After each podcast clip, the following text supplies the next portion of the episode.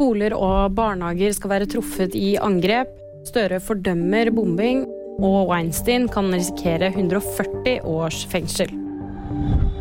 Tre skoler og et barnehage ble truffet i russiske angrep mot Ukraina, sier ordfører i Kyiv. Ifølge den ukrainske hæren så ble 84 russiske kryssraketter skutt mot flere byer i landet i morgentimene. Minst 11 personer ble drept og 64 såret. Bare fem av byggene som ble truffet, gjaldt kritisk infrastruktur, ifølge ordføreren.